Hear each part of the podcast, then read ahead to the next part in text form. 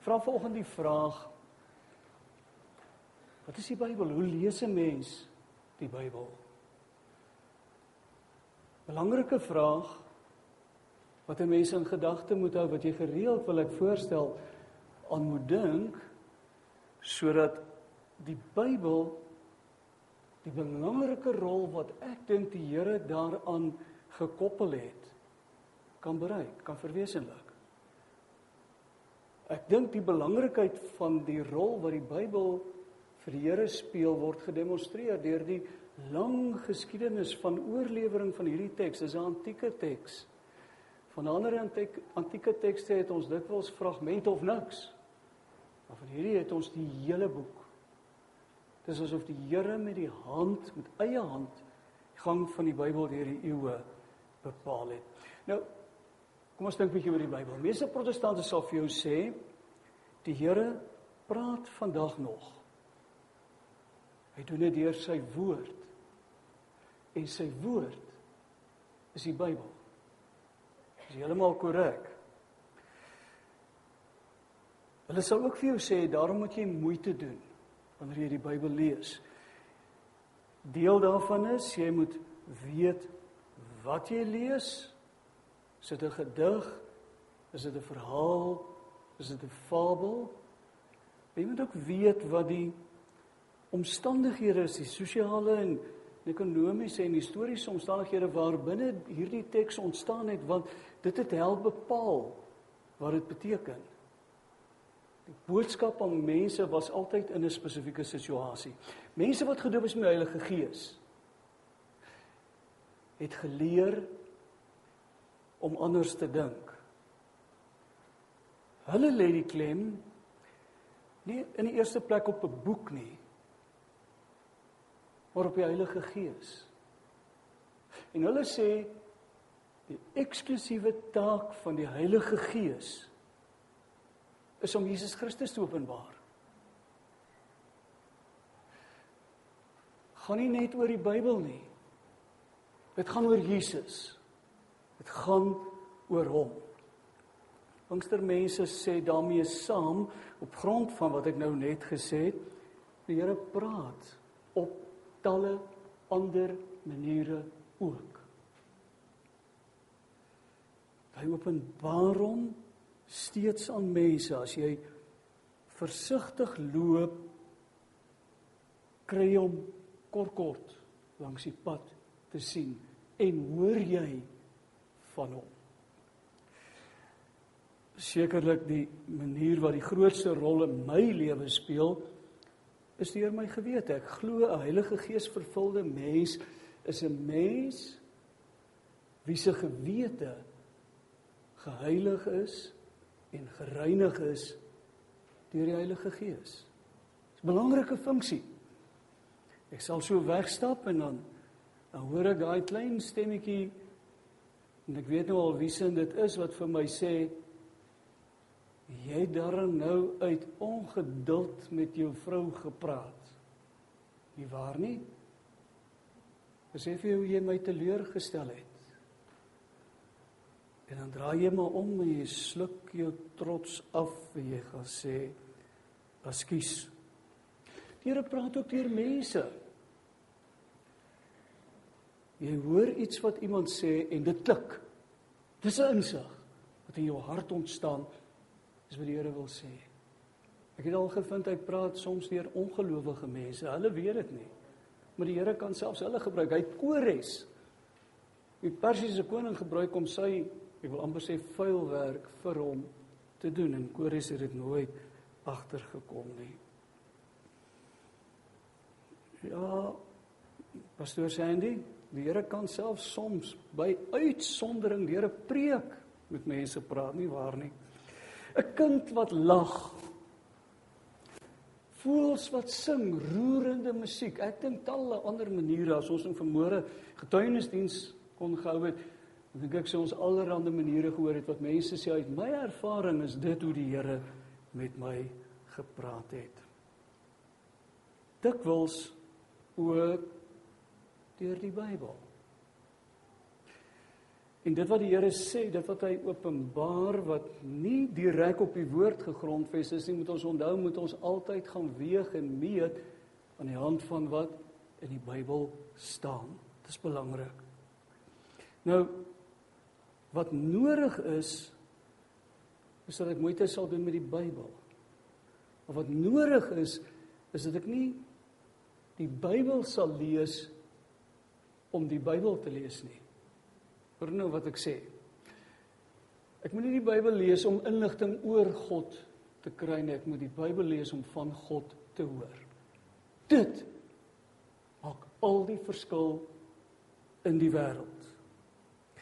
Daar's 'n Psalm wat handel oor God wat praat. En hy het amper oneindig baie verse, Psalm 119, jy onthou dit. Een van daardie verse, Psalm 119 vers 130 sê as u woorde oopgaan gee dit lig. Dit aan eenvoudiges gee dit insig. Die feit dat jy die Bybel lees beteken nie dat jy van die Here hoor dat die woorde vir jou oopgaan nie. Dis nie 'n lig wat in jou lewe skyn nie totdat die Here met jou praat. En die Here praat wanneer hy wil. Ek is afhanklik, Here. Hierdie boek het klomp geslagsregisters, ek het daarin verdwaal geraak. Daar's stories oor konings, een is meer sondig en meer gewelddadig as die ander een. Ek sukkel om om die sin te verstaan van al hierdie goed. Dis is ou goed, kom baie jare. Ek hoor nie van u nie totdat u met my praat. Die wonderlike is hy wil. Hy wil met ons praat. Hy wil baie meer graag as wat ons waarskynlik beluister. En hy wil baie meer keer as wat ons beskikbaar is om van hom te hoor. Hy praat baie keer dink ek en dit gaan waarskynlik by ons verby. Nou wil ek vir oggend sê daar's dink ek drie dinge, drie belangrikste dinge wat moet gebeur voordat hierdie woorde oopgaan. Voor die Bybel woord van God vir my in my situasie word. Ek wil graag meer daaroor sê want die Bybel is nie organies en outomaties woord van God nie. Ons sê die mooi gebruik ons sê kom ons maak die woord van die Here oop. Nee. Ek kan hoogstens die Bybel oopmaak. En dan kan ek vra Here, maak hierdie woorde lewend. Praat met ons in die omstandighede waarin ons ons bevind. En die belangrike is dat ek dan nie net met my verstand nie, ja met my verstand ook. Ek het nogal verstand nodig om te kan lees. Maar nie net met my verstand nie, met my gees. Dat ek my gees sal oopstel, dat ek met my gees sal hoor dis daar wat insigte ontwikkel. Daar's 'n verhaal in Handelinge 8. Dis jy jou Bybel daar wil oopmaak kan jy hom sommer daar oop want ons gaan sommer direk daarna na Handelinge 9 toe ook. Handelinge 8 vers 26 vertel van die evangelis wat besig is om te werk en dan praat die Here met hom. 'n Engel van die Here praat met hom. Hoe praat die Here met ons? Hier in ons gees, 'n insig groei. En ek weet uit ervaring ook al dis die Here wat praat. Die Here sê vir hom gaan na die suide, die pad wat van Jerusalem afwaarts loop na Gaza. Dis vers um, 26. Dis 'n verlate pad. Die Here sê vir hom en daar sal jy 'n man kry, hy sal uit die Bybel sit en lees. Praat bietjie met hom. Nou sê hy dan as as Filippus by hierdie man kom, dan hoor hy lees uit Jesaja. Dis 'n hoë hofamptenaar. Klink of dit naas by die die hoof van die Kandake, die koningin van Ethiopië, is met ander woorde hier in Afrika. Sy huis is ver, hy kom aan bid in Jerusalem. Hy lees uit Jesaja en dan kyk gou-gou saam met my na vers 30. Filippus hardloop nader en hy vra: "Verstaan jy wat jy lees?" Vers 31 hy het geantwoord: Hoe sou ek kon as niemand dit vir my verduidelik nie. Here, totdat u verduidelik wat hier aangaan, kan ek kopkennis daaroor insamel. Gaan nie help nie. Kopkennis red nie. Verander nie lewens nie. 'n Ontmoeting met die lewende God, dis die Heilige Gees. Dis wat die verskil maak. Ek moet ook besef Bybel is 'n 'n vreemde boek. 'n antieke boek. 1000 voor Christus tot so 100 na Christus is die tyd waarin die Bybel neergeskryf is. Ek moet verstaan dis in tale wat vir eeue nie gepraat is nie, selfs Grieks. Die Grieks wat vandag gepraat word is klink heeltemal anders as die Koine Grieks, die, die Grieks wat in die Bybel gebruik is. Die die gebruike, die gewoonte van hierdie antieke mense, hulle wêreldbeeld, hulle lewensfilosofie, as dramatiese verskil. Ons verstaan nie eers alles nie. En daarom is daar party tekste wonder ons nou wat gaan eintlik hier aan? Wat ons nederig moet hou, nê. Nee. Daar's assosiasies wat aan woorde en, en frases geheg is. En dit verskil. Hulle het ander maniere gehad van praat. Kom ek noem 'n voorbeeld. Ek skryf op 'n stadium 'n Daniël kommentaar wat 'n Nederlandse uitgewer wil uitgee en nou stel hulle 'n vertaler aan en en die vrou vertaal letterlik van Afrikaans na Nederlands. En op 'n stadium kry ek die proewe met 'n navraag van die redakteur van die reeks Bob Becking en hy sê wat het bewe met hierdie saak te doen? Die konteks daarvan is ek het geskryf almal wat leef en bewe was bly en opgewonde oor wat gebeur het. Hy sê wat het bewe met blydskap? Uit 'n baie skielik besef ek wat het gebeur. Leef en beef is 'n manier vir ons om te sê almal wat daar is. Maar vir die Hollanders sê dit niks want hulle het nie so 'n assosiasie wat hulle aan leef en beef reg nie. Daarom moet ek versigtig die Bybel lees. Ek moet weet ek betree 'n vreemde wêreld. Dis nie 'n ervaring wat my gaan verwar nie. Maar ek moet net bewus wees daarvan. Hm, 'n bietjie 'n vreemderige wêreld hierdie. Die probleem is, Bybel het dikwels sy vreemdheid vir mense verloor wat hulle lank pad daarmee saamkom. Ons ken dit. So dalk as kind al hierdie verhale gehoor. En dit klink vir ons so bekend op die oor. Ons ons hoor nie eintlik meer wat gesê word nie. As 'n mens nou lank genoeg getroud is dan dan glo jy jy weet wat jou maat gaan sê. Sy het al hierdie storie baie keer vertel. Jy kan sommer die einde voorspel. En dan luister jy nie altyd nie. Dan beland jy soms in die warm water. En dan sê sy ek het vir jou gesê, maar kon sien jou oë lyk of jy op Mars is of onder die invloed van drank is. Nou Bart Ehrman is in die Nuwe Testamentikus. Hy sê Die gelykenisse van Jesus is soos 'n spieël. Jesus hou hierdie spieël voor jou en jy kyk so na jouself en ek hoop jy hou van wat jy sien as jy 'n vrou is wat jy nogal al baie tyd spandeer aan spieëls en dergelike dinge. En die volgende oomblik breek hierdie spieël duisend stukkies. Hy sê as die spieël nie gebreek het nie, verstaan jy nie die gelykenis nie. Want gelykenisse daag die status quo uit. Dit ruk jou tot stilstand. Jy sê, "Ja, maar dit werk nie so nie. Dit kan nie wees nie." En oor ons hulle goed ken, het daardie vreemdheid soms verlore gegaan.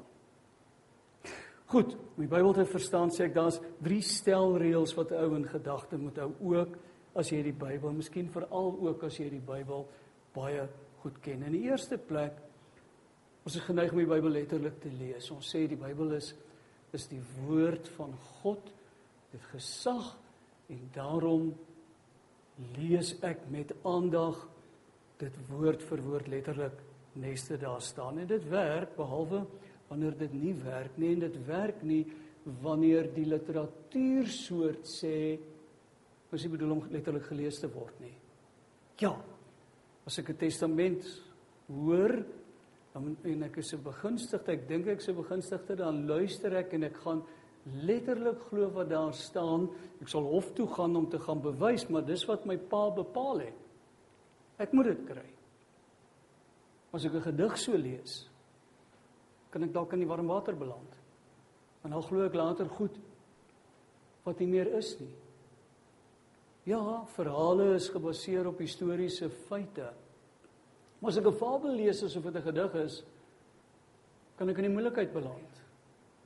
Dit kan vir my groot probleme gee. Met ander woorde, ek moet baie versigtig lees. Die belangrikste ding wat ek moet vra is watter soort literatuur is hierdie? Die wat nou kan onthou van hoërskool daar, ons het geleer van genre. Dis nou hierdie is nou letterkunde.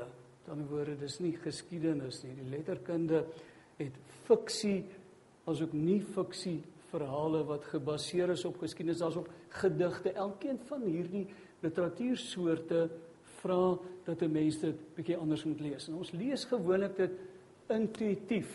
Ek aanvaar hierdie is 'n gedig. Die probleem is my intuïsie kan dalk verkeerd wees.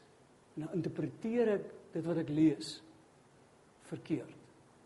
Daarom moet ek so bietjie oplet, bietjie bedagsaam wees. Anders interpreteer ek dalk iets verkeerd wat anders bedoel was om gelees te word. Die tweede plek, ek gaan nou nou sê hoe kan ek meer uitvind oor literatuursoort van 'n spesifieke stuk wat ek lees? Byt net vas daarmee na die volgende punt gaan ek gou-gou terugkom daarna. In die tweede plek is dit belangrik om te onthou die verteller wat hierdie verhaal uiteindelik neergeskryf het want in meeste gevalle is dit eers oorvertel, eers later neergeskryf omdat so baie min mense kon lees in Bybelse tye. Dus hoekom het hierdie ou die verhaal vertel? Wou hy vir mense wat in die 21ste eeu vind dat die COVID-19 pandemie hulle lewe in Parys binne geval het en alles kom verander het, wil hy vir hulle iets gesê het? Dit sou nie vreeslik sinvol gewees het nie. Die boek Openbaring is die einde van mense in die 21ste eeu geskryf nie, want dit sou nie vir die kerk wat vervolg is in die einde van die eerste eeu vreeslik baie beteken het om te weet wat in die 21ste eeu gaan gebeur nie. Hulle het 'n woord van die Here nodig vir hulle situasie en dis wat die skrywer Johannes op Patmos dan ook probeer doen. Die skrywer in die Bybel praat met mense in 'n spesifieke situasie. En dit wat hy sê het betrekking op hulle situasie. 'n Voorwaarde om die Bybel te verstaan is dat ek moet weet wat die eerste luisteraars gehoor het. Ek moet weet wat hulle gehoor het. Dit maak 'n reuse verskil of iemand in Egipte as 'n slaaf aangehou word of op pad is om die land Kanaan te oorwin en van een militêre oorwinning na die volgende een gaan. Of om deel van Dawid en koning Salomo se ryk te wees wat die grootste ryk was wat Israel ooit gehad het, wye grense as gevolg van hulle suksesvolle militêre verowerings en, en ekonomiese bande met die hele wêreld om hulle. Of wat in ballingskap sit. Jy het jou land en jou koning en jou tempel en die hoofstad alles verloor. Jy's besig om jou identiteit as volk te verloor. Dis die doel van die ballingskap gewees. Dit wat Moses vir Israel sê terwyl hulle in die wildernis van Sinaï is, rondom Sinaï is pad na die beloofde land gaan noodwendig anders klink as wanneer 'n profeet vir mense wat sonder hoop sit in die ballingskap sê dis hoe julle julle identiteit gaan kan behou net op een voorwaarde julle moet terugkeer na Jahwe die God van Israel Daarom is dit baie belangrik dat 'n mens sal let op konteks. Nou goed.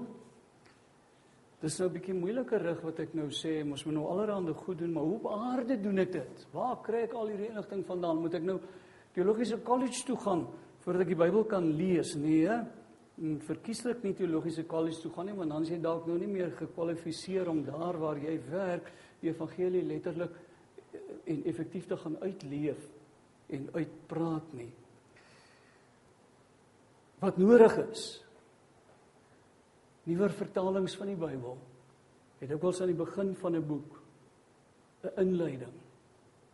Daardie inleiding probeer hierdie vrae beantwoord. As jy hierdie vertaal lees, moet jy oplet, dis wat dit is. Dis dis die die reëls wat daar rondom geld as jy dit lees. Dit probeer ook vir jou sê wat die situasie, die historiese en sosiale situasie was. Let op hiervoor. Dis wat hierdie mense beleef het en en dis hoekom die boodskap, hierdie teologiese boodskap aan hulle oorgedra is. Baie in hierdie gemeente het, het wat ook die woordskool van Renus wat baie effektief is bywoon, het die een volume kommentaar. Daarin is presies dieselfde inligting net in in baie meer groter omvang beskikbaar. Kry ekstra inligting so ver moontlik. Ek moet nou nie soos ek wees, ek is soos 'n bad met 'n prop, hoe meer water jy intap, hoe meer loop uit my geheue lankal vol geraak, die rem werk nie meer nie. Die harde skuif is besig om op te pak. Probeer onthou. Leer uit ondervinding wat besig is om in die Bybel te gebeur. Jy word 'n al meer vaardige Bybelleser kan interpreteer wat jy lees. In die tweede plek, bly versigtig. Bly bedagsaam. Moenie sommer net afleidings maak nie. En as jy meen jy weet wat hierdie woord beteken, wees dan nederig genoeg om te sê, dis wat ek meen die Here vir my sê. Dis nie van toepassing noodwendig op alle ander mense nie. Jy weet vir baie jare het ons die Bybel gelees en vroue met mooi en partykeer nie so mooi nie en partykeer verskriklike ongeskikte hoede want jy kon nie verby hierdie hoed sien wat net so staan nie. En ons vroue met hoede laat kerk toe kom. Maar die Bybel sê so. En toe vind ons later uit nou, ons het nou eintlik nie gehoor wat die Bybel sê nie. Ons het gehoor wat ons wou hoor. Die Bybel het gepraat van 'n konteks wat effe van nog in die Midde-Ooste die geval is. Konteks waar vroue letterlik nie gehoor is nie en nie gesien is nie. Hulle moet in die kombuis wees en as hulle uit die kombuis gaan, steek hulle oë uit. Hulle het 'n sluier aan. Want ander man sal dalk verlei word as hulle na my vrou kyk.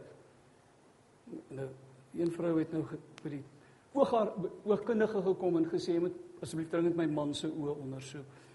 Want hy sê sy oë word swak, hy kan glad nie meer sien wat hy in my gesien het nie. Miskien moet die man ook so nou en dan die masker afhaal, dan kan hy ook sien wat hy nie in haar gesien het toe sy jonk was nie. Kan sy maar die masker permanent afhaal. Maar nou, nou het ons daai teks gelees wat sê jy moet 'n hoed dra.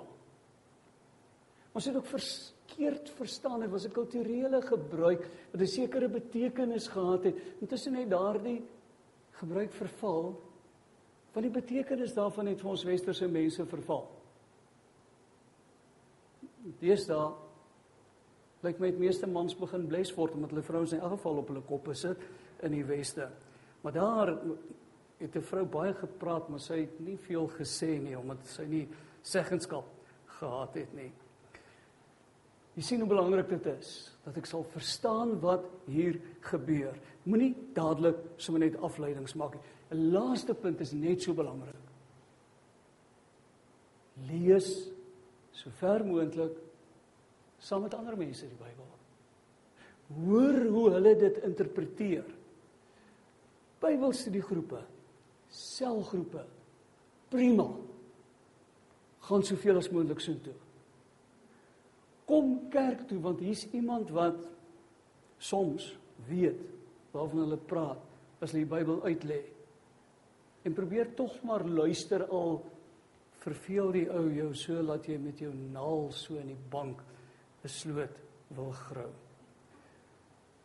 Leer by ander. Toets wat jy hoor by ander mense. Sê dis wat ek hoor. Wat wat wat dink jy beteken hierdie teks? Kom ons bly nederig, kom ons bly bedagsaam. Dan 'n derde punt en ek haas my voor iemand baie swaar begin snork.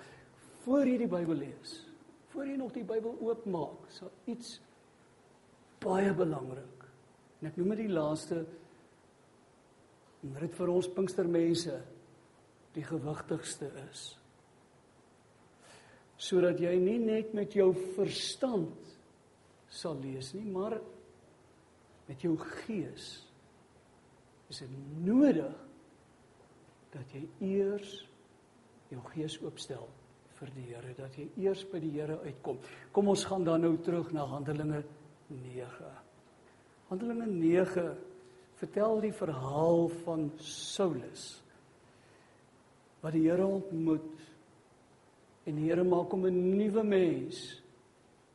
Gee homself sy nuwe naam, Paulus. Saulus was 'n skrifgeleerde fariseer. Vandat hy 5 jaar oud is, het hy aan die voete van die rabbies gesit. Nou, ek op skool was het ons in elk geval die eerste paar grade op die grond moes sit. Maar nou hoor ek dis nou oortreding van menseregte om 'n kind op die grond te laat sit. Maar hy het aan die voete van die rabbi gesit Die rabbi het hulle geleer lees in die hand van hierdie Hebreëse teks van die Ou Testament, die Hebreëse Bybel. En hulle het hulle lewe, skrifgeleerde het sy lewe lank net die Bybel bestudeer as 'n beroep en net die Bybel. Mondelinge kommentaar later is dit opgeteken as die Torah as as die Mishnah Dit het hulle ook vir mekaar oorvertel, maar dit oor die Bybel gegaan. As iemand die Bybel die eerste eeu na Christus geken het, was dit 'n Fariseer soos Paulus. Trouwens, hy was 'n disipel van Gamaliel. Josefus sê dis die belangrikste Hebreëse kenner van die teks in daardie tyd. Paulus Saulus het die Bybel geken. So goed dat hy sy lewe ook daaraan gewy het om hierdie nuwe sekte van mense wat sê Jesus Christus is die Messias uit te roei. Hy was verantwoordelik vir Stefanus se dood, hy's op pad na Damaskus om Christene daar te gaan doodmaak. Op pad kry Saulus die verrassing van sy lewe. Hy ontmoet die outeur van die Bybel. En skielik vind hy uit. Hy weet niks. Trouwens, as hy daar wegstap, is hy blind. Hy kan nie eers meer sien nie. Die Here moet eers weer sy oë oopmaak en sy verstand belig. En uiteindelik word Paulus die skrywer van 'n derde van die Nuwe Testament. Hy word 'n kanaal waardeur God homself vandag nog aan die kerk openbaar. Wat het daar gebeur op die pad na Damaskus? Kyk gou saam met my na vers 3. Terwyl Paulus onderweg was naby Damaskus kom, het 'n lig uit die hemel om skielik kom straal. Hy het op die grond neergeval. 'n Stem hoor sê: "Saul, Saul, waarom vervolg jy my?" Hy het gevra: "Wie's u, Here?" En ek lees nou vir vir die 2020 vertaling. In die 2020 vertaling is daar nou 'n 'n voetnoot en ek wil net ietsie meer daaroor sê want dit kan soms verwarrend wees. 'n Voetnoot wat sê verskeie ander manuskripte sê voeg hierdie by. Daar's 'n rede hoekom dit nie in hierdie teks staan wat ons het nie.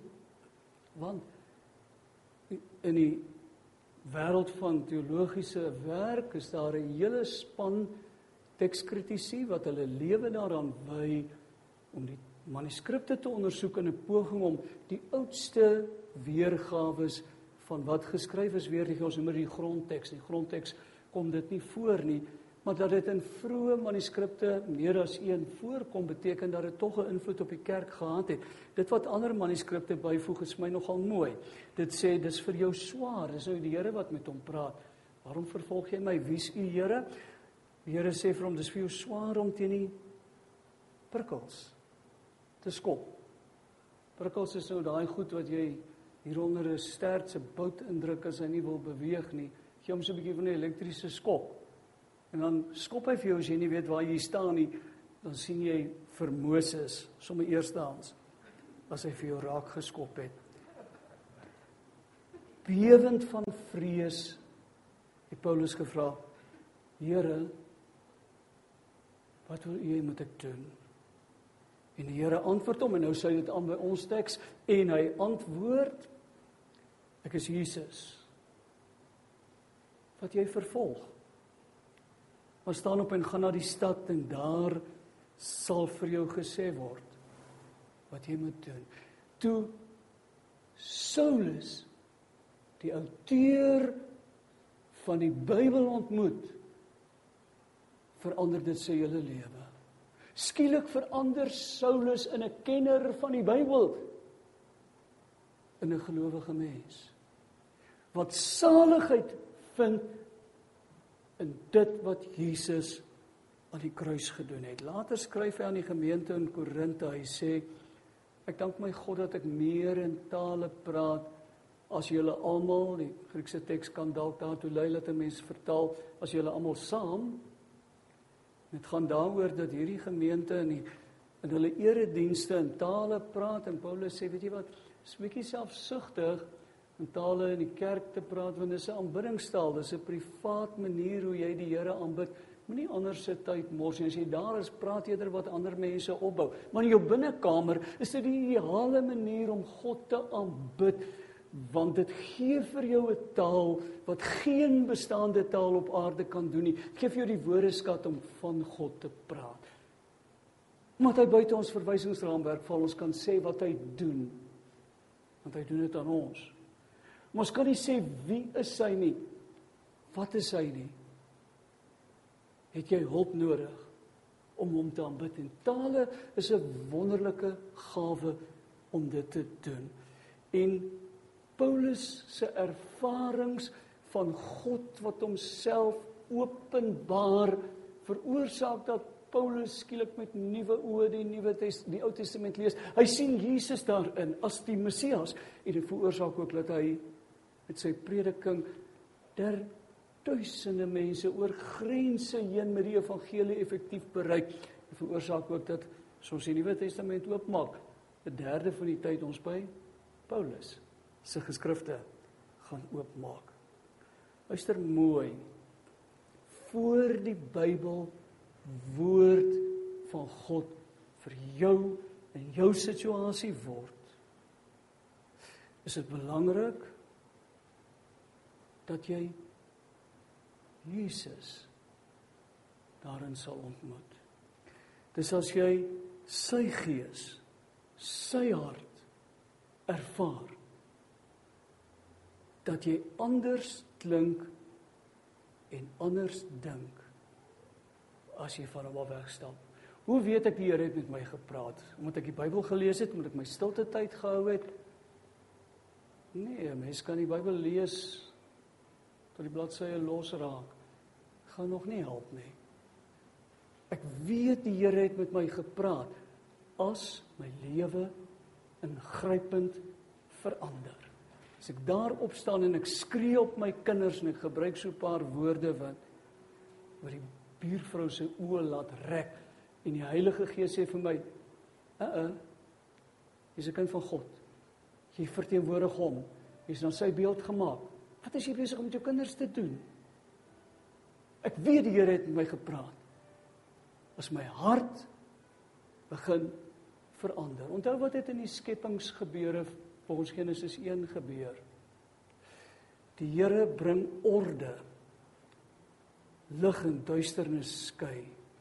Grond en water skei. Hy skep lewensvorme en plante. Hoe? Hoe doen hy dit? deur te praat. Wat gebeur wanneer hy praat? Hy openbaar homself. Hy gebeur.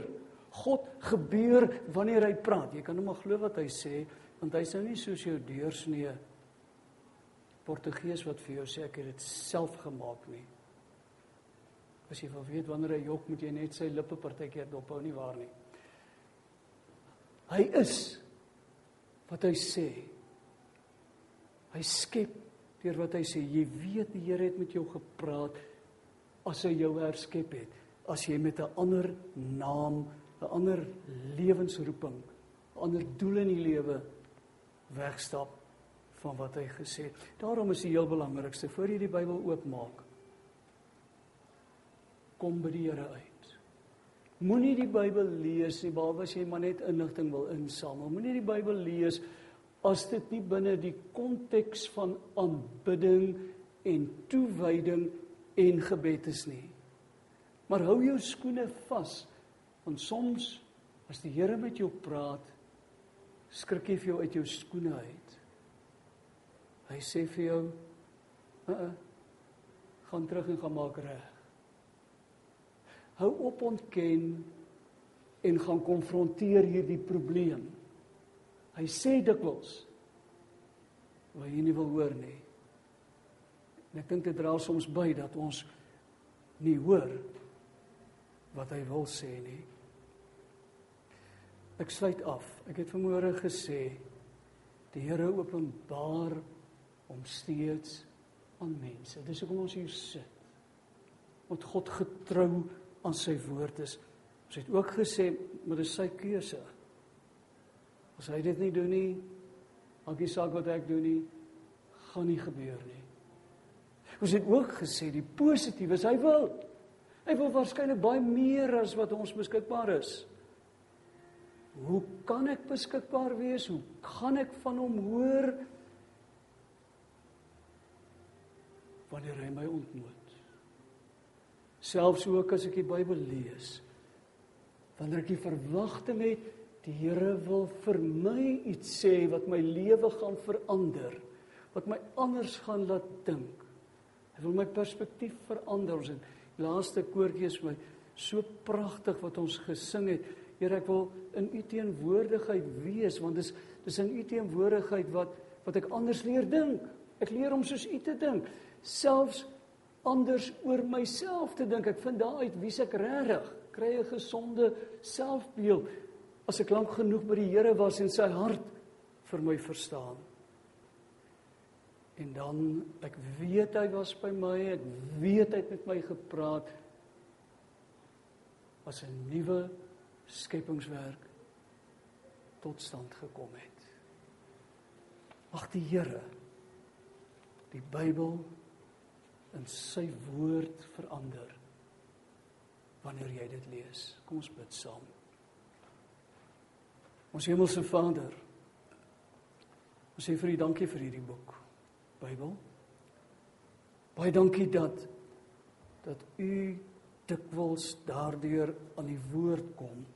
Ons sit hier moet ons die verandering ervaar het wanneer die Here met 'n mens praat hoe jou lewe nuut word, hoe jy 'n burger van 'n nuwe koninkryk, 'n nuwe koningsheerskappy word, hoe jy opgeneem word in 'n nuwe huishouding waar jy altyd aanvaar word deur 'n Vader wat vir jou beter sorg as enige arts se vader en dit sal doen selfs na jou dood. Baie dankie dat ons die Bybel het. Die moeite gedoen het, Here. Gee vir ons genade om moeite daarmee te doen wanneer ons dit lees, so te lees dat ons nie net sal verstaan nie, maar by U sal hoor in Jesus se naam.